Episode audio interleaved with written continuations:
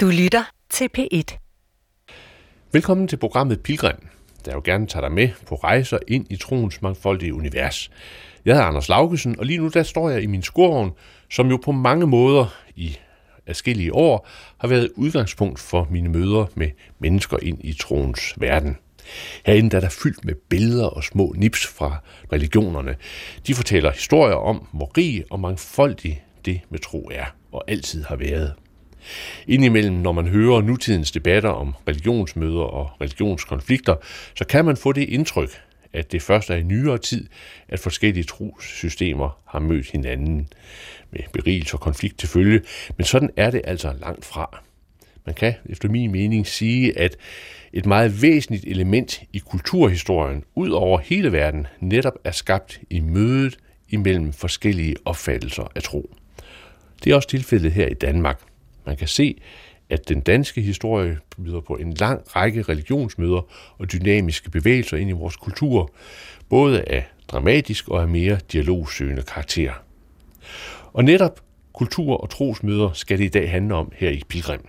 I første del af udsendelsen skal vi ned i Danmarks ældste kirkerum, under vor frue kirke i Aarhus, til en samtale med teolog og forfatter Peter Lodberg, der er aktuelt med en ny bog, Tro versus Tro, kristendommen i dialog og konflikt gennem 2000 år. Og derfra så bevæger vi os til Gellerup uden for Aarhus, hvor to kvinder har taget initiativ til en ny form for dialogsamtale, men allerførst en samtale med Peter Lodberg.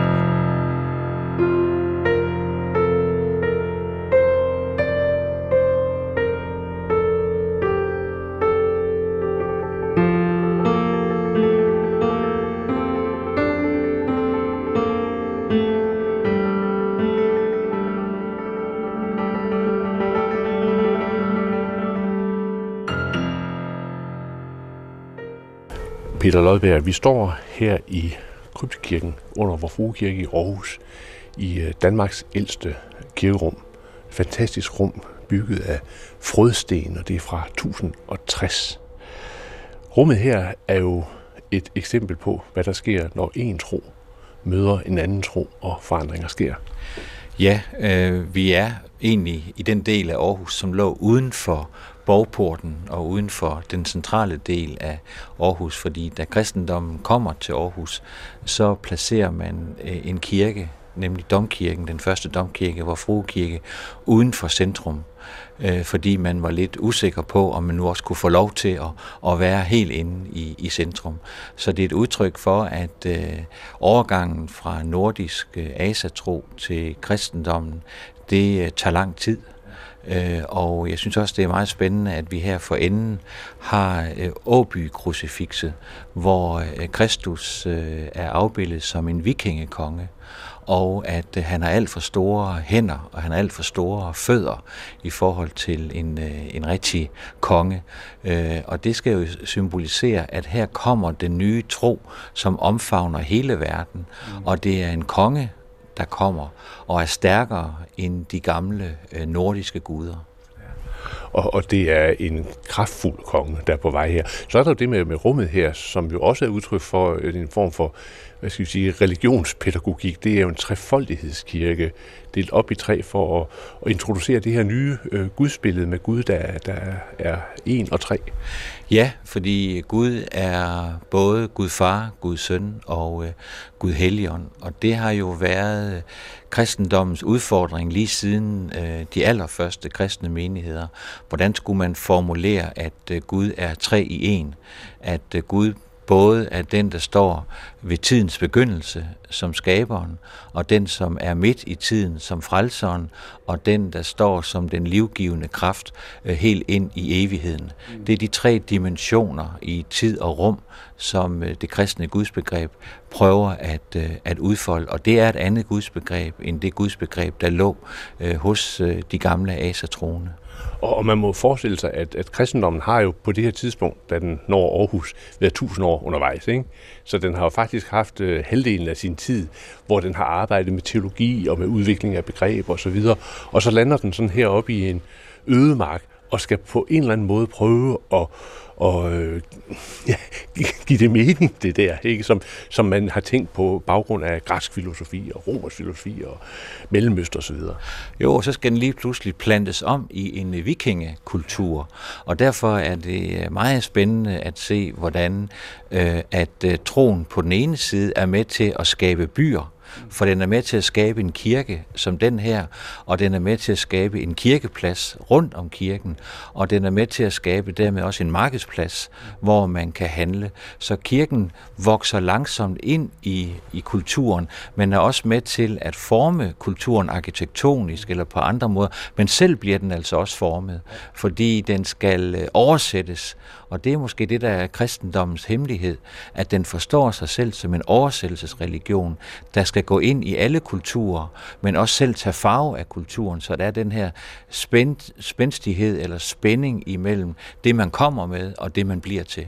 Øh, på det her tidspunkt er der selvfølgelig det med, med Harald Blåtand, der har lavet kristnerne, øh, danerne kristne, og, og der er selvfølgelig en eller anden centralmagt, der har noget at skulle have sagt, at nu går vi i denne her retning. Men samtidig, når man ser øh, i hvert fald kirkerne sådan fra 1100-tallet ude omkring øh, på landet, øh, så kan man ikke lade være med at tænke på, altså, øh, det her, det tror jeg ikke kun en stærk centralmagt kunne have gjort. Der er noget på færre på de mennesker, der har slæbt sten og har bygget korbuer osv. Det er nok en dobbelthed på den ene side, at der har været en centralmagt, altså Aarhus bliver udpeget som et missionsstift nede i Hamburg, øh, og man, man udsender øh, tre biskopper. En af dem skal komme her til Aarhus, og en anden tager videre til Viborg. Så der har været en kirkelig centralmagt bagved, og der har været selvfølgelig kongen øh, har haft en interesse i at understrege, at jeg er konge for danerne, og øh, otonerne nede fra Tyskland, de behøver ikke at komme her for kristne danerne, for det har jeg selv, Harald Blåtand, øh, gjort for dem, så I kan bare blive derhjemme. Men det er klart, der må have på en eller anden måde vokset en folkelig øh, forståelse frem og et ønske om at være med til at etablere det her nye. Kristendommen er jo det spændende og det nye, som man bygger, og man importerer øh, byghåndværkere og arkitekter udefra.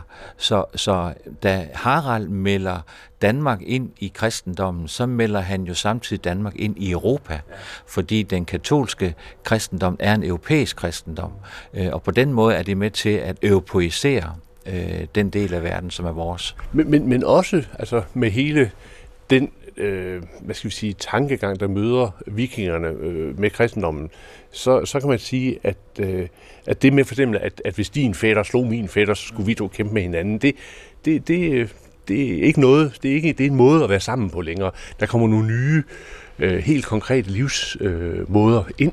Jeg er meget optaget af for eksempel, at øh, et ord som øh, frelse, som jo er centralt i kristendommen, at det kommer ud af det gamle norrøne frelsi, det vil sige at tage halsbåndet af slaven og blive sat fri. Og det er klart, der har ligget en, sikkert en enorm kraft i en, en ny samfundsdannelse og en ny omgangsform. Man satte heller ikke børnene ud, øh, hvis de var, man ikke kunne brødføde dem, man forsøgte at brødføde dem, man tog sig af de gamle. Der er nogen, der har sagt, at den første sociale doktrin, vi overhovedet får, det her med, at vi skal tage os af hinanden og ikke efterlade hinanden i rendestenen, det kommer faktisk igennem den europæiske kristendom, fordi der var den her tanke om, at når du møder den fremmede, så møder du Kristus. Og hvordan vil du ikke tage dig af Kristus? Ja, du vil tage dig af ham godt. På den måde, så skal den fremmede også tages vel imod. Så, så der er også en etik og en social tænkning, der følger med kristendommen. Det er så tro, der møder tro, og så går der en vældig sådan, proces i gang. Nu går vi op ad trapperne her fra øh, krypten øh, i Vor Kirke, og har man ikke været her, så kan det virkelig anbefales. Vi kommer op i øh, en helt anderledes kirke fra øh, omkring 1300-tallet, øh, Dominikanerkirke. Øh, og man kan sige, her er vi jo så rykket et sted hen, hvor øh, kristendommens indtog, troens indtog, øh, skifter karakter for dominikanerne. Det var nogen, der sådan skulle, øh, det her, det var, det var, de skulle prædike og lære og så får der orden på tingene. De blev kaldt øh, herrens hunde, fordi at man rundt omkring var lidt bange for dem. Fordi øh, de ønskede jo, at der skulle være en god og sand lærer, og de stod for undervisningen, og de byggede øh, klostre Øh, og det her, den her kirke, hvor Fru Kirke er jo en del af et stort klosterkompleks, øh, og de har haft, klostrene har haft en enorm betydning for Europa og for Danmark. Der var vel 125 klostre i Danmark, inden vi når frem til reformationen i, øh, i 1536. Nu går vi ud af, af kirken, der støvsuges og gør os ved derinde. Men når man er sådan et sted, så fornemmer man jo, øh, at nu er troen gået ind i en fase, hvor den bliver etableret på en måde. Ikke? Altså, hvor der, nu skal der lidt, der er lidt mere orden på tingene. Jo, altså, øh, det er ikke tilfældigt, at man taler om munkeordner. Nej. Det vil sige, at der kommer en, øh, en måde at tænke om verden på, der hænger sammen. Mm. Og man begynder arkitektonisk at bygge i højden, ja. fordi man bygger til Guds ære. Og den øh, verden, som Gud har skabt, det er en velordnet. Ja. Øh, og man begynder at få lovgivning. Mm. Kirken kommer med en lovgivning, som er med til for eksempel at få sætte regler for, hvordan handler man mm. øh, på markedet, mm. hvordan omgår omgås man hinanden, hvor må man bære våben. Så hele lovgivningskomplekset, øh, som jo hviler også på den kirkelige ret, øh, det bliver simpelthen en måde at indrette samfundet på, så man kan ikke tænke sig, den tæmning af vold, og jeg tror, at datidens samfund må have været enormt voldelige. Så meget af det, som, som kirkens øh, arbejde går ud på, det er jo at tæmme den uhemmede vold og skabe en eller anden form for ansvarlighed i omgangen med hinanden. Men, men samtidig med det, øh, som, som vi jo på en måde kan nikke anerkendende til og tænke, det var godt, at det skete, så kan man jo sige, at så kommer et andet aspekt af kristendommen også op, nemlig det, man kan kalde dualismen, eller en, ja, en polarisering. Altså, der er noget, der er rigtigt, og så er der noget, der er forkert. Der er noget, der er den sande tro, og så er der noget, der er kætteri. Og man kan sige, at dominikanerne, som, som bygger øh, kirken, vi står her ved, er jo et af de øh, elementer i den kultur, øh, hvad skal vi sige, bevægelse, der netop er med til at, at, at, at gøre denne her næsten polarisering imellem rigtigt og forkert øh, øh skarp, ikke? Jo, man holder jo fast i, at der er noget, der er sandt, og der er noget, der er falsk. Og det, og det, det synspunkt og den, det forhold kan man jo omgå på mange måder. Men det, der vel også sker i middelalderen, det er, at der kommer magt bagved. Der kommer kirkelig magt bagved. Og derfor øh, bliver det farligt at være kætter. Det bliver være farligt at, at være vantro. Så den der almindelige teologiske uenighed, som er en nødvendighed for, at man hele tiden kan diskutere, hvad er sandt og hvad er falsk, den får en slagside, øh, synes jeg, fordi den også bliver forbundet med politisk og kirkelig magt. Ja. Og, og dermed øh, er man måske med til at lukke for en øh, nødvendig øh, diskussion. Øh, og det sprænger jo så da vi når frem i, øh, i 1500-tallet for alvor. Ja. Men, men lad os konstatere, at her, hvor vi altså bevæger os omkring øh, middelalderen, der har vi to sådan elementer, som stadigvæk gælder, når tro møder tro. Det ene det er, at når en tro møder en gammel tro, så sker der en transformation, så sker der en oversættelse, og, og, og, og der er øh, i sidste ende et system, der sådan går går af med sejren på en eller anden måde. Det er den ene ting. Og den anden ting, det er så, at der sker også en, en, øh, en opdeling imellem rigtigt og forkert. En, en polarisering. Men så er det så, at, at, at nu bevæger vi os hen på, øh, på Klostertorv her. Øhm, og vi forestiller os, at vi i tidslinjen langsomt bevæger os ind i 1500-tallet, ikke? Fordi så sker der noget i, øh, i reformationen, som, som, som også giver nogle nye elementer til det her, når tro møder tro.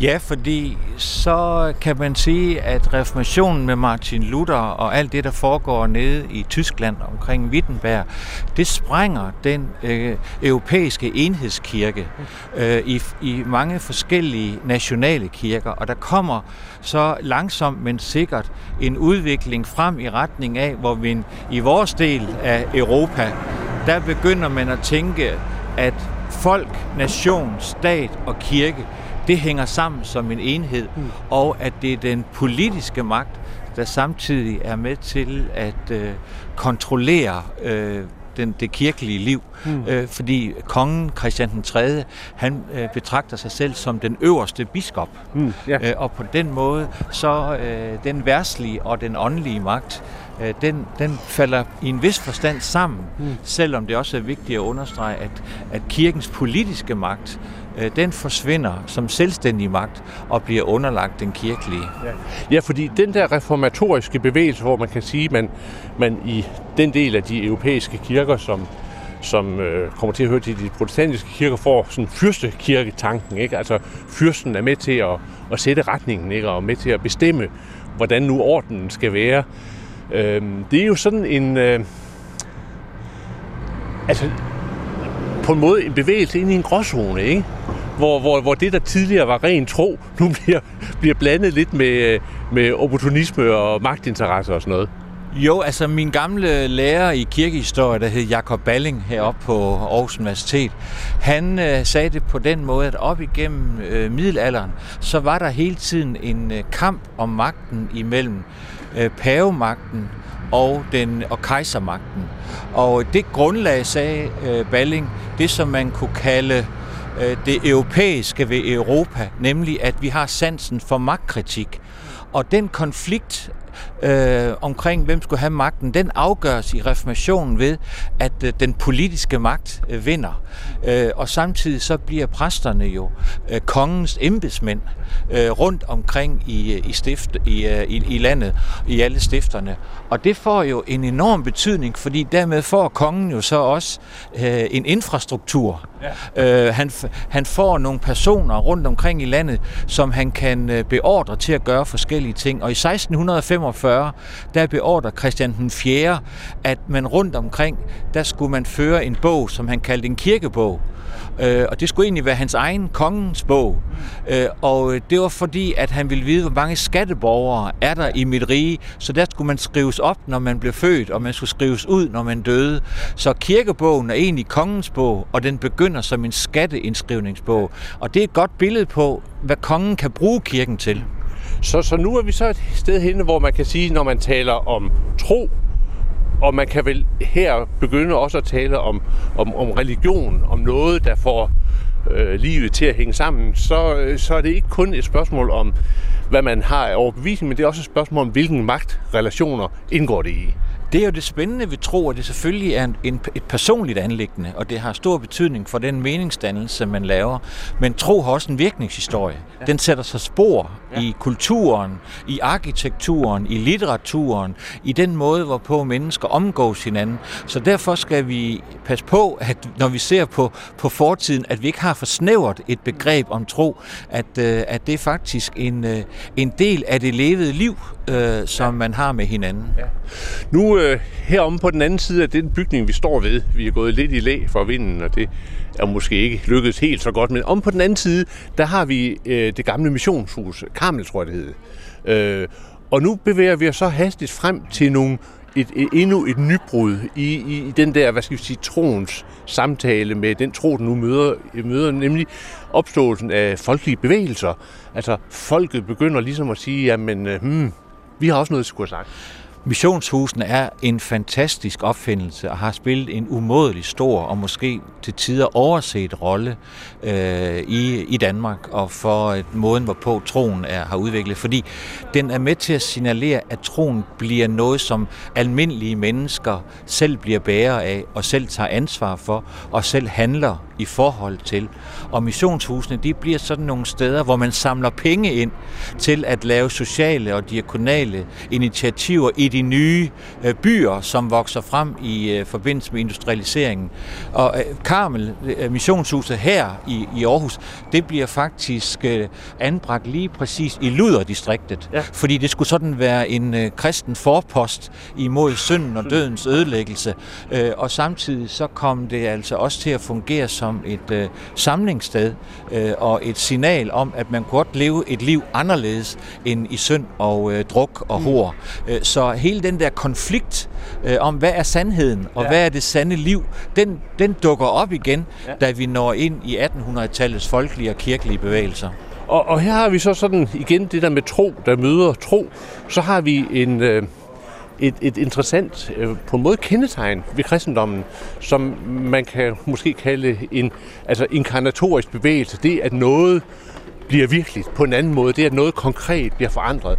Og, og det tager jo virkelig øh, form i de her øh, forskellige øh, folkelige sociale bevægelser. Altså, kristendommen i Danmark er jo med til at forme og indholdsbestemme, hvad vi egentlig mener med, tro, med folk. Altså, og, og, og hvis man ser på 1800-tallet, så får vi jo først folkeskole i 1814, og vi får folketing, vi får folkekirke, og vi lærer at synge folkeligt skal alt nu være.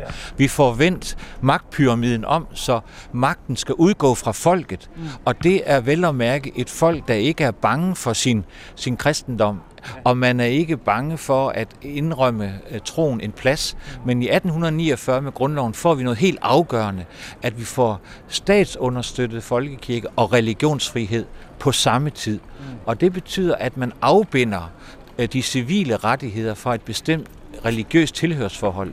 Indtil da, der skulle man for at arve sine forældre, der skulle man være døbt og konfirmeret i den lutherske kirke. Men derefter det, så er vi alle sammen borgere. Mm. Og det bliver en, en, en umådelig vigtig landvinding, mm. fordi det åbner Danmark op til den, en anden stor international europæisk bevægelse, nemlig liberaliseringen af samfundene. Men, men, men, øh, men Peter Lodberg, man kan jo så sige, at, at efter øh, grundloven, og vi har fået vores øh, religionsfrihed, øh, så kommer der jo et, altså igen et transformationsprojekt i værk, som har øh, kristelige rødder. Jeg tænker på de grundviske højskoler, der vil forandre øh, almuens liv. Jeg tænker på øh, alle de der diakonale øh, initiativer. Og det har jo roet helt tilbage i den kristne tænkning, der siger, jamen vi går ud, og så forandrer vi verden, vi gør kærligheden nærværende, ikke? Jo, altså i, i takt med industrialiseringen sætter sig igennem, så kan man sige, at man institutionaliserer næstekærligheden ja. i form af hjem. Man laver mændenes hjem, man laver kvindehjem, man laver hjem for, for gamle øh, alderdomshjem. Så man flytter i løbet af 1800-tallet, slutningen og begyndelsen af 1900-tallet, der flytter man tanken om hjemmet fra det private ud i det offentlige øh, og laver hjem og dem, man, man får til at stå for de her hjem, det er kvinderne. Ja. Øh, men de må ikke, de må ikke have, det må de ikke, øh, fordi de er ikke juridiske personer på det her tidspunkt. Så det bliver mænd, der kommer til at stå for det, men det er kvinderne, der gør arbejdet. Og det bliver en enorm kvindefrigørelsesperiode, fordi så bliver det lige pludselig kvinder, der kan fungere som sygeplejere, de kan fungere som lærere. Det vil sige, de her hjem, de er med til at skabe et frirum for, at kvinder kan påtage sig en offentlig opgave. Nu er de ikke længere offentlige fruentimmere, men nu er de offentlige undervisere og sygeplejere. Så på den måde kunne man sige, at Indre Mission og den grundviske bevægelse, sammen med arbejderbevægelsen og andre bevægelser, øh, de er med til at skabe en kvindefrigørelse eller en mulighed for, at kvinder kan varetage et offentligt øh, embede, som går forud for kvindefrigørelsesbevægelserne øh, i 1960'erne. Så det er altså igen et eksempel på, hvordan tro og trosforestillinger er med til at, at skabe forandringer i, i samfundet. Nu, nu bevæger vi os op øh, på Bispetorvet, op i nærheden af den her fantastiske øh, domkirke, som vi har i Aarhus. Den er jo helt enestående. Og vi bevæger os også på brosten frem i tiden, og jeg, jeg synes, at vi egentlig skal gøre hold sådan der, hvor man kan sige øh, Første Verdenskrig. Ikke? Fordi frem til Første Verdenskrig, så er der jo nogle forestillinger om, at nogle ideelle verdener er mulige. En romantisk forestilling om, om livet. Ikke? Der var jo en drøm, øh, i hvert fald øh, blandt mange kristne på det her tidspunkt, at den kristne civilisation, den vil øh, blive udbredt til resten af verden. Og at man vil civilisere, for eksempel i Afrika, de vilde, øh, til at blive gode kristne, oplyste borgere. Øh, og det ideal, øh, hvor der er fremgang med handel, fremgang i kristendommens udbredelse og fremgang i civilisation, det bliver skudt i stykker i Første Verdenskrigs øh, skyttegrave og også tanken om, at vi vil hinanden det godt, og magten vil os det godt osv. Der, der sker jo noget i Første Verdenskrig, hvor der er et stort, stort sammenbrud. Og det tager jo så til i 2. verdenskrig, hvor øh, en ideologi, øh, som siger, at noget er øh, fuldstændig rigtigt, altså den ariske, nazistiske ideologi, den jo så øh, smadrer, øh, smadrer verden, ikke? Altså, man bliver udfordret af det totalitære øh, og den her tanke, som ligger i nazismen, at, øh, at det skabte Øh, det findes ikke, og, øh, og det er, er den, der har magten, der har retten til at sætte sig igennem. Altså hele diskussionen om nihilisme øh, dukker op. Og, og der er der jo rigtig mange øh, teologer, blandt andet en af dem, som arbejdede her ved Domkirken i der i forbindelse med 2. Øh, verdenskrig, nemlig Regin Pranter, som senere hen blev professor i dogmatik ved det teologiske fakultet på Aarhus Universitet.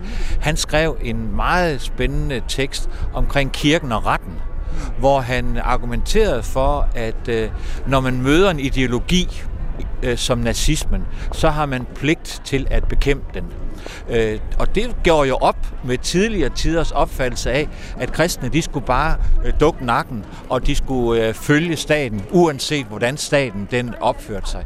Så 2. verdenskrig blev også begyndelsen til en social kritik øh, og til en modstand til forsvar også for jøderne, fordi de danske biskopper, de forsvarede jo jøderne øh, i et hyrdebrev i 1943.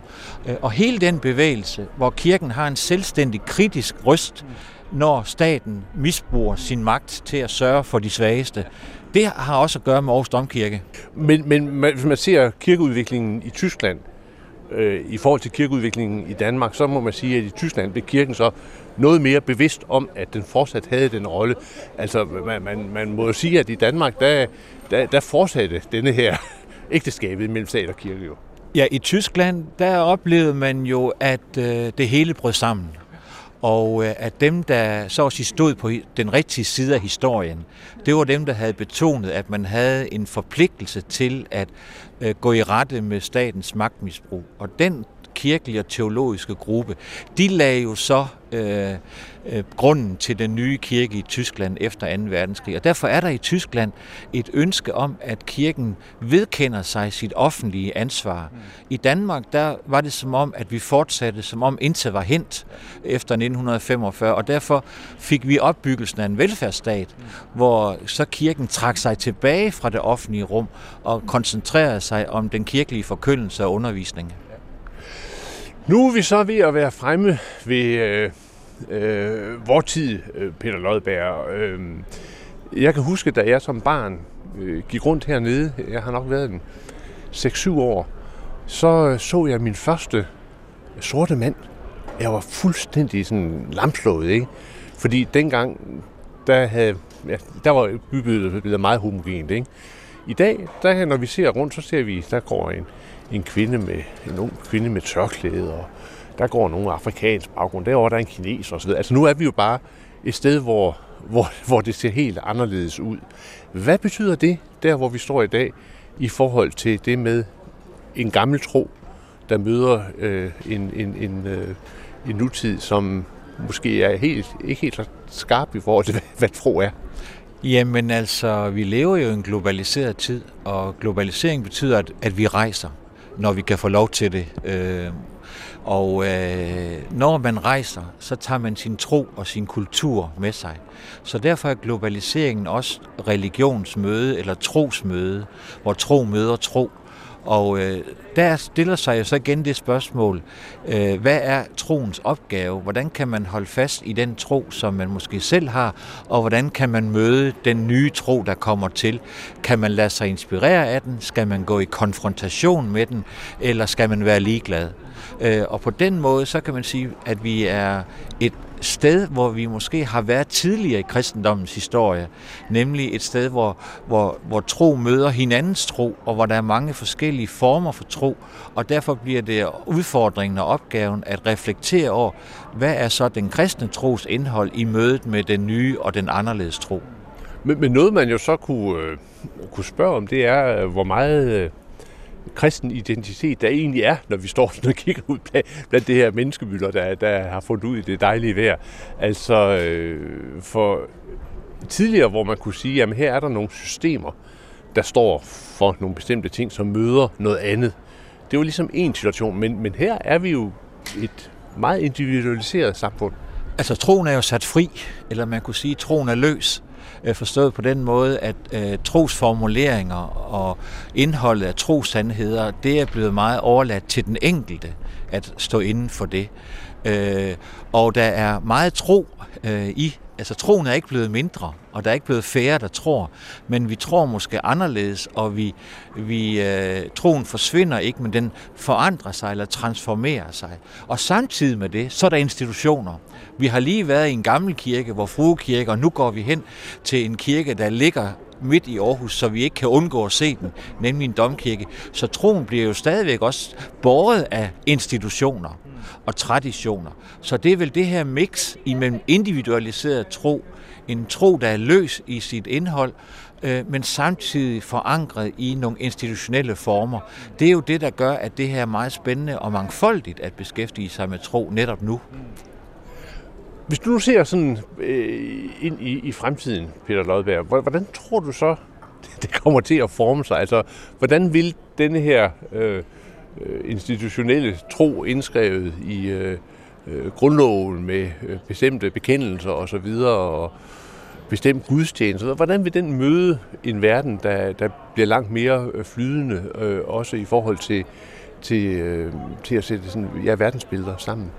Jeg synes, det er meget svært øh, at gå ind i sådan fremtidsforskning. Ja. Øh, men hvis jeg skulle give et, øh, et bud, så vil det være, at øh, jeg tror, at vi vil møde mange forskellige former. Altså, der, der vil være en voksende konservatisme og fundamentalisme, fordi man vil være bange for det nye.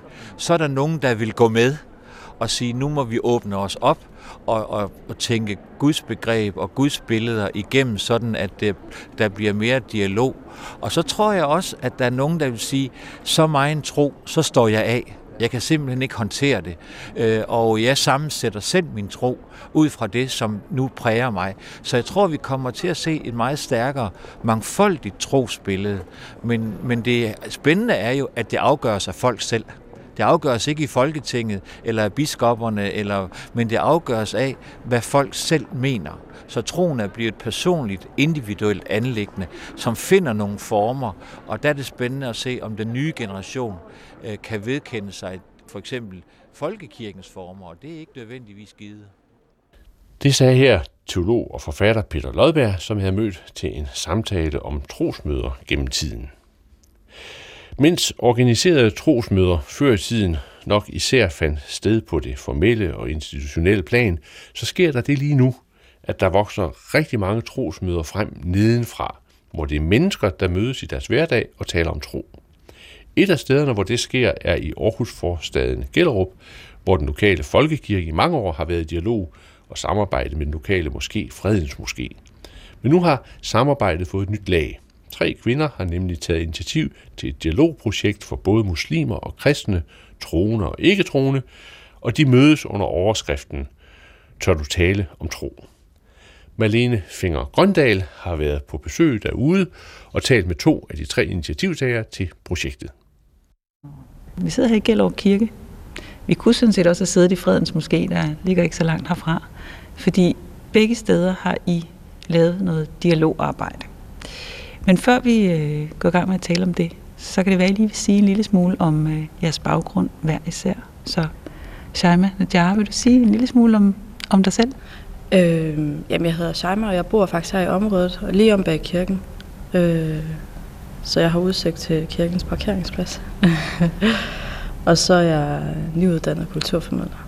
Øh, og søger lige pt. arbejde. Jeg har deltidsarbejde, men øh, skal søge et fast arbejde, og det er også det, jeg er i gang med nu.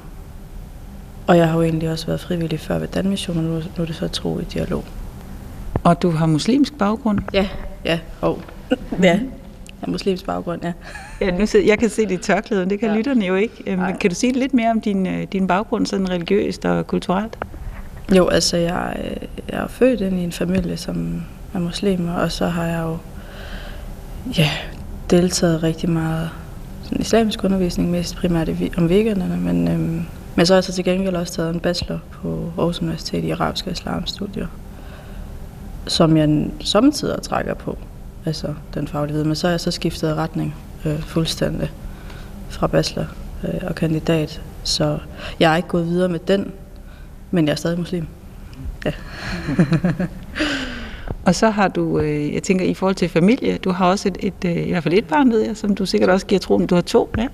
Ja, jeg har to børn. Jeg har en øh, søn, der lige er fyldt seks, og så har jeg en datter, Øh, hun, er lige fyldt, hun er lige fyldt fjerde år, så jeg er også mor, udover at være muslim og arbejdssøgende og så meget og frivillig og så meget andet. Så ja. Ja.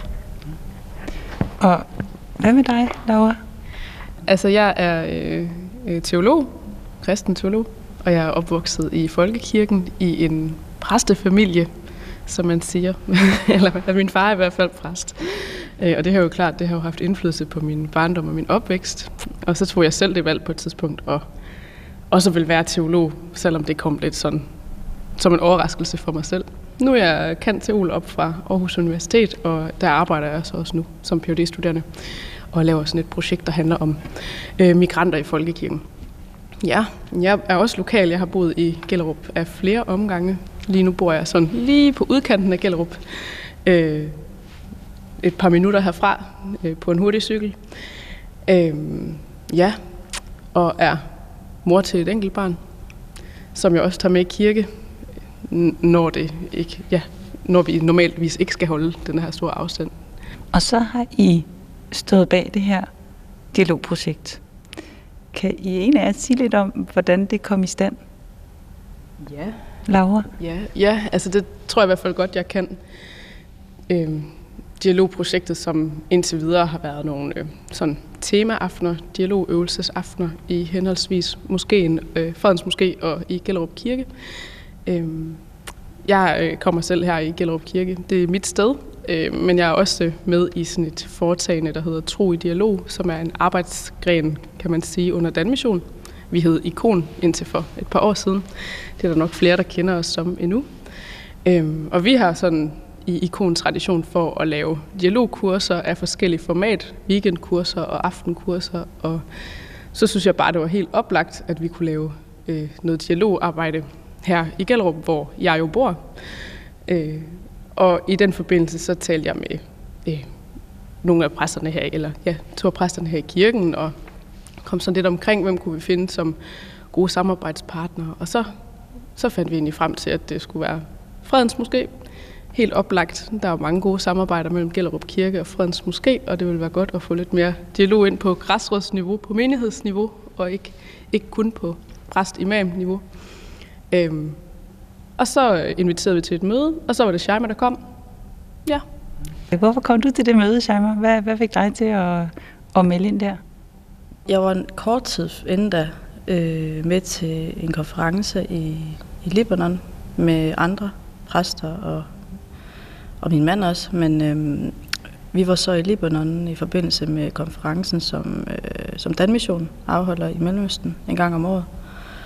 Og det var nok der, jeg sådan for alvor øh, blev meget interesseret i det tværreligiøse arbejde. Øh, som Laura også nævnte, det her med, at, at kirken, og, øh, altså Gellerup Kirke og Fredens Moské, de har jo haft enormt meget, de har en hel historik faktisk, hvis man tænker over, hvor meget de har lavet i så mange år, øh, inden for det tværreligiøse Øh, felt, både i form af dialog, men også i form af nogle, øh, nogle fælles handlinger, nogle fælles aktiviteter, de har lavet.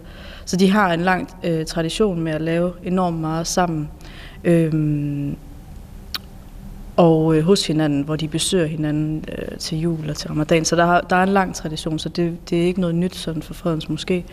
Men det var nyt for mig, fordi at, at jeg tilfældigvis kom til den her konference, og så synes jeg bare, det var enormt interessant med alt, hvad der havde at gøre med tværreligiøs dialog. Øhm, ja. Men så udviklede I et projekt eller nogle dialog aftener i en dialogform, som I kalder Tør du tale om tro? Ja. ja. Hvordan, hvad kom det til at bestå i? Afterne består sådan af en lille bitte smule oplæg, hvor vi sådan egentlig i de grupper, vi nu har været, vi har været mellem 12 og 25, 30 faktisk, øh, da vi var flest. Øh, lidt oplæg, hvor vi sådan taler os ind på, hvad er de fælles præmisser for det, vi nu skal lave, den øh, ligeværdige øh, dialog, tillidsbyggende dialog, vi gerne vil skabe rum for. Og så egentlig bare forskellige øvelser, øh, samtaleøvelser, det kunne også være tegneøvelser, eller øvelser med citater fra religiøse tekster, eller øh, spørgsmål, vi skal stille hinanden, som ligesom får os trænet i at være i dialogsituationer.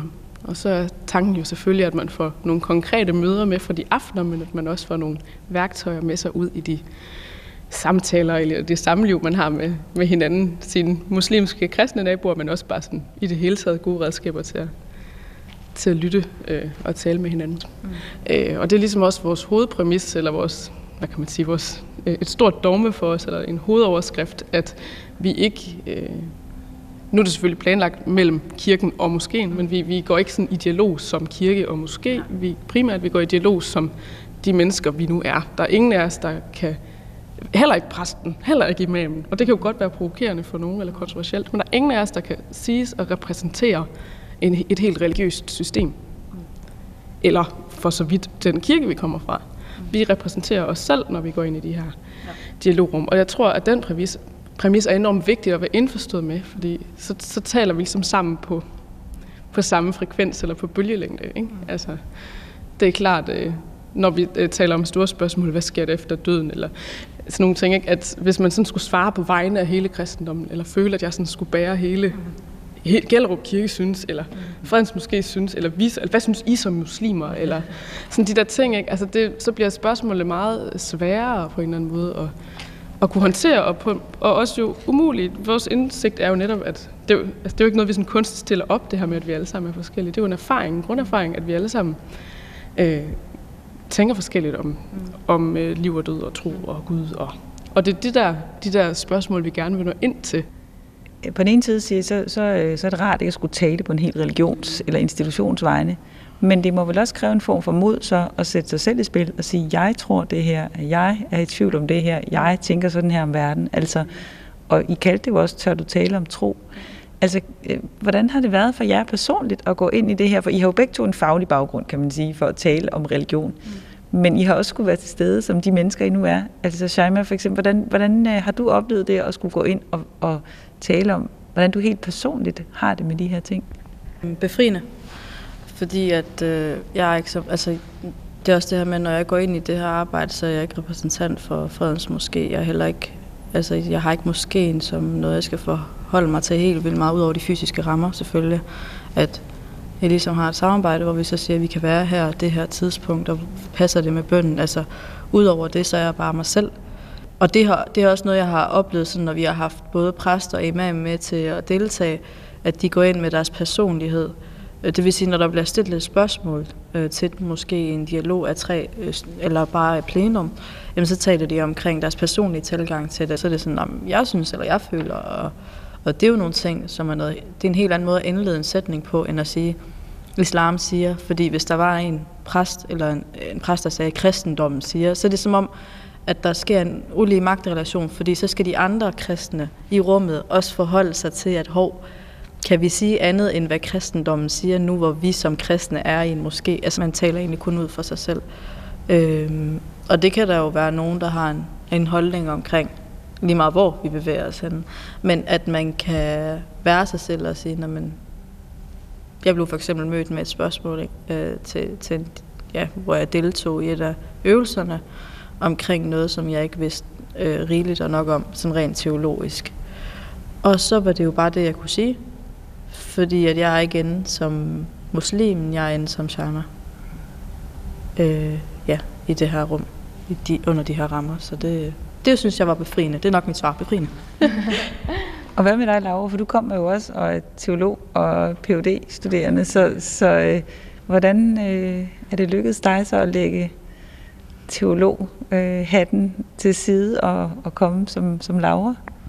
Altså, til det kan man måske sige, at det kræver jo også, altså, øh, muligheden for at gøre det her ligger jo inden for en, altså man kan jo godt beskrive det som et særligt teologisk observans, at vi faktisk alle sammen har ret til og mulighed for at øh, bære i os og kunne udtrykke noget mm.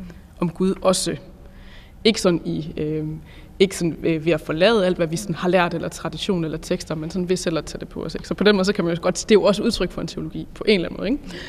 Altså for det andet, så vil jeg sige, at det, det, det, det er to forskellige ting for mig. Jeg tror, det ville være grænseoverskridende for mig, hvis vi skulle gøre det her på universitetet. Mm. Øh, der kommer selvfølgelig også andre teologer til det her, men, men, i, men i det her rum, der har vi ligesom sat den overskrift, som er, at vi taler på vegne af os selv. Øh, og det er en udfordring, men jeg synes, det er enormt meget mere berigende end, mm. øh, end, end sådan paneldebatter om, hvad jeg siger nu. øh, den ene eller den anden religion, om det eller hende. Selvom det her er jo så et lidt større rum, fordi vi har nogle lyttere med, kan I sige et eller andet, I har lært om jer selv eller den anden? Altså som kommer sådan lidt tættere på, end, end de der lidt mere overordnede teologiske overvejelser. Shaima? Du ser ud som om, du har du kom i tanke om noget. Øhm, altså jeg, jeg er personligt typen, der godt kan blive træt af nogle gange at blive mødt med, med en masse spørgsmål omkring min religiøsitet, fordi nogle gange så bliver de formuleret som mere, at, at altså, sådan at de, de folk vil gerne diskutere eller overbevise om et eller andet i stedet for. Men noget jeg har lært, det er det her med, at, at altså sådan i ren praksis, at, øhm, at en oprigtig nysgerrighed, det kan noget helt andet. Altså man kan jo nogle gange godt høre det på tonen og de ord, man så vælger, når man så skal stille et spørgsmål. Om der ligesom er en, der er interesseret i at høre svaret, eller om bare er interesseret i at få sit eget budskab igennem. Og det gælder alle. Det, det har ikke noget med en religiøsitet, altså nogle bestemte at gøre. Så mener jeg virkelig, at det her med en oprigtig nysgerrighed, den, den fører bare helt andre steder hen. Det vil sige, øhm, jeg kan jo rende rundt og tro en masse omkring øhm, kristnes tilgang til, til miljøet eller klimaet for eksempel. Men når jeg øh, stiller et spørgsmål til en, som er kristen, ikke at hun eller han skal tale på vegne af hele kristendommen, men høre deres historie, så har jeg ligesom fået skabt mig et billede ud fra, hvad en, som er tilhænger af den religion, mener omkring det, og ikke hvad jeg selv forestiller mig eller læser mig frem til. Øh, ja. Hvad kunne det være for nogle fordomme eller forestillinger, du havde om kristne, som du så øh, har fået ændret på i det her forløb? Øhm, jeg vil gerne nævne en. Øh, det er ikke lige mig selv, men det, der var et eksempel på, at der var øh, en, der engang sagde, at jeg troede, at kristne troede på, at der var tre guder. En far, en helligånd og en søn.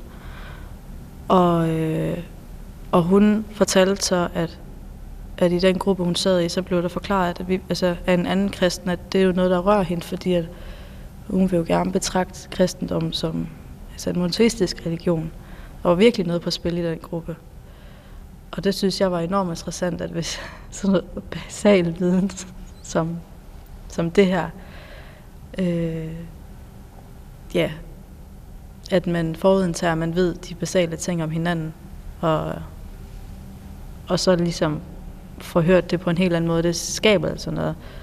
Også når, øh, også når jeg er blevet mødt en gang til en gruppe, hvor jeg fik et spørgsmål omkring noget, som øh, faldt mig naturligt, men måske ikke den spørgende naturligt, at en muslim vil mene det, og have et religiøst belæg for det, eller i hvert fald have den holdning overhovedet, der stadig kalder sig selv for muslim.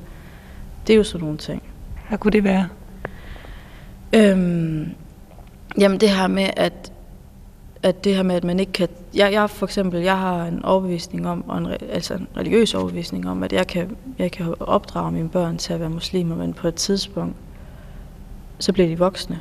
Og så vil jeg jo på ingen måde skære hånden. Altså det er sådan de her meget følsomme emner, som, som ligesom, det kom bag på vedkommende, at, at jeg egentlig, fordi jeg tror, jeg, øh, ikke på grund af min, min, min bachelor, men, men alle mine godnathistorier, der handler om profeterne, der har jeg jo lært om, om Abraham, øh, Send Abrahims far, som prøvede at dræbe sin egen søn, fordi han valgte en anden retning, og Noahs søn, som heller ikke tog øh, religionen til sig, troen på den ene Gud. Der har været flere tilfælde.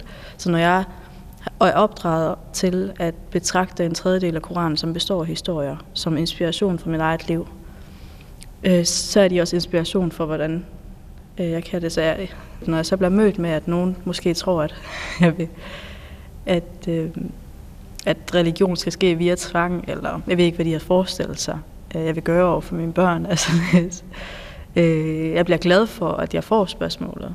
Øh, og kommer bag på mig, hvor meget det kommer bag på den anden. Altså, at hvad mit svar er, og hvilke inspiration jeg har. Fordi der er nogle navne, der går igen også i, i, i, øh, i Bibelen.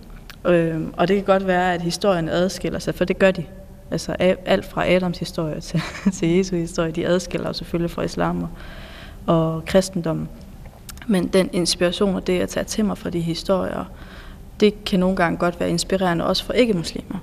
Så, så nogle gange så, øh, så er det interessant at se, hvordan nogle svar fra min side af kan komme bag på andre. Hvad med dig, Laura? Er det noget, hvor du kan mærke, at du har rykket dig, eller hvor du er blevet overrasket eller udfordret? Mm.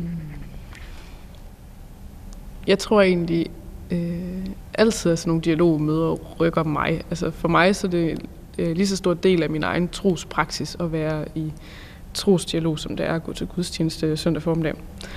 Øh, fordi jeg lærer øh, i de her møder sådan, øh, lige så meget om øh, livet og Gud og mig selv og min tro, øh, øh, ved at øh, få sat den i spil øh, sammen med nogle andre, der øh, måske, måske spørger på en anden måde, end, end alle dem, jeg sådan forestillede, forestillede mig, jeg var enig med, ville gøre. Men også, altså, jeg tror, den her opdagelse af, at vi er... Øh, at vi er ens på kryds og tværs, og forskellige på kryds og tværs, at vi kan sådan, øh, røre ved noget dybt åndeligt i hinanden med, de, med den måde, vi indgår i relationer på. Det synes jeg har været ret imponerende, at vi egentlig har kunne. Jeg synes, at jeg har været i de rum, i de her, øh, de her tre dialogaftener, vi har haft, og det har været en stor opdagelse for mig, at jeg ikke behøver at rejse til Indien, eller til tage på en uges retræte et eller andet øh, langt væk, eller kende folk helt vildt godt, for at få de der øh, sådan, øh, tvær religiøse, åndelige møder. Mm. Men at det har vi godt kunne, kunne lave, øh, for at ja, sådan skabe den her sådan store genkendelighed øh, i hinandens åndelige behov eller søgen eller spørgsmål. Så det har været, det har været sådan en øh, god opdagelse for mig. Er du blevet spurgt om noget, hvor du, hvor du har opdaget noget nyt om din egen tro, altså, eller, eller, eller de andres? Jamen, altså, igen sådan noget der med, ja, for eksempel børneopdragelse. Hvad, altså sådan at få, få, få tingene, nogle gange så, så får man bare sat tingene lidt i, i et nyt lys, ved at folk spørger, ikke? Altså sådan noget, Nå, men, du tager din søn med i kirke, og når, hvad gør I ellers derhjemme, sådan, når vi synger nogle gange bordvers, eller vi har også nogle børnebibler, og altså sådan nogle ting, der er sådan, Nå, hvad, hvad tror du, det gør ved ham, eller Nå, øh, jamen det ved jeg ikke, jeg håber da, det gør noget godt, eller sådan, altså sådan, så det kan nogle gange være de der sådan åbnende spørgsmål. Øh, jeg kan ikke lige komme i tanke om sådan nogle store sådan, teologiske emner, der sådan er blevet åbnet på en ny måde, men det der sådan at få min, min egen praksis og min egen selvfølgelighed sådan åbnet med spørgsmål fra nye vinkler. Øh, ja, blandt andet det der med børneopdragelse. Ja. Her til sidst, hvis, øh, hvis der sidder nogle lyttere og tænker, men hvorfor er det egentlig, det er så vigtigt med den dialog, udover at det jo tydeligvis er, at givende for, umiddelbart for dem, der deltager. Men hvorfor altså, kan man sige, at det også er vigtigt på samfundsplan på en eller anden måde, at der er nogen, der gør det her? Hvad vil jeres svar så være? Det oplagte svar er selvfølgelig sådan noget som, og oplagt i Gellerup. Ikke? Vi bor det samme sted. Øh, det du også var inde på før, Shaima, det er fint nok at være naboer, men hvis vi sådan skal kunne bygge samfund sammen, så er vi også nødt til at kende hinanden og opbygge en tillid til hinanden. Og sådan en, den gensidige tillid kan man jo bedst opbygge ved at blive venner. Og venskaber er jo også sådan, er jo både det med sådan at gå med hinanden så langt man nu kan, og have stor respekt for hinanden, men også at turde tale om de ting, som man kan slå sig på ved hinanden. Ikke? Så det er jo sådan et svar, og så tror jeg, et andet svar kunne være, for, for, fra, mit, fra, mit, fra min synsvinkel i hvert fald, at øh, øh, man taler ofte sådan om Danmark som sådan lidt et, et, øh, land med et højt folkekirkemedlemstal, men en lav åndelighed. Eller, men vi synes jo bare, at vi oplever, at øh, tro og religion øh, fylder noget godt i alle sådan vores liv, og vi tror også, at det Øh, af os, der deltager, ikke? Altså, eller fylder sådan noget sådan substantielt. Ikke? Og det der med at, at lave steder, hvor vi er i samtale om, hvad der rører sig vi er trosmæssigt, tror vi egentlig også er en nødvendig del af at øh, blive bevidst om åndelighed i Danmark. Altså jeg er meget enig med det, som Laura sagde. Øh, hvis jeg synes, at det her med tro og religion, det er sådan et ømt punkt for nogen, for nogen at tale om. Og hvis vi kan klare det, så kan vi altså også noget. Altså, hvis det her med øh, at sætte spørgsmålstegn ved hinanden, eller hinandens tilgang til øh, en bestemt religion, eller sin praksis inden for forskellige religioner, hvis vi kan gå hen og tale om det, uden at være bange for alt muligt, og det gælder begge parter, øh, og parkere den politiske korrekthed til siden, og så alligevel gøre det med respekt. Det er enormt vigtigt. så øh, synes jeg, så kan, altså, så kan man alt muligt, også på samfundsniveau. At hvis vi øh,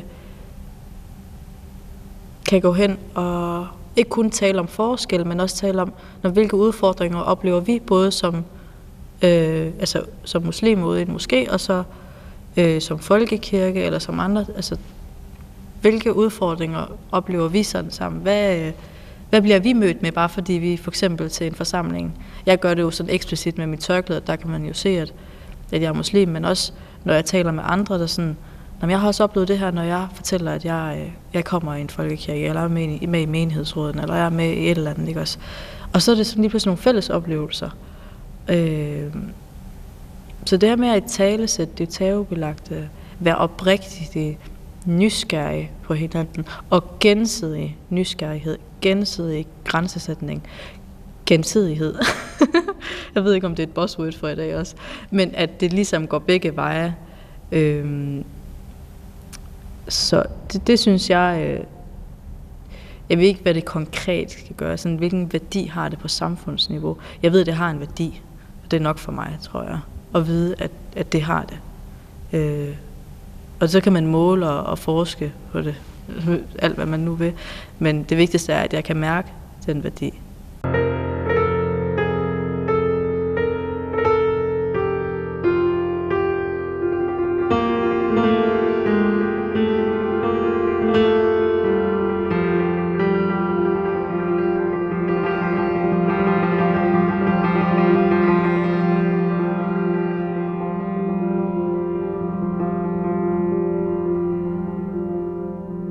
Det var øh, Malene Finger Grøndal, der havde været ude i Gellerup og talt med to af de tre initiativtagere om det dialogprojekt, som foregår derude, tør du tale om tro.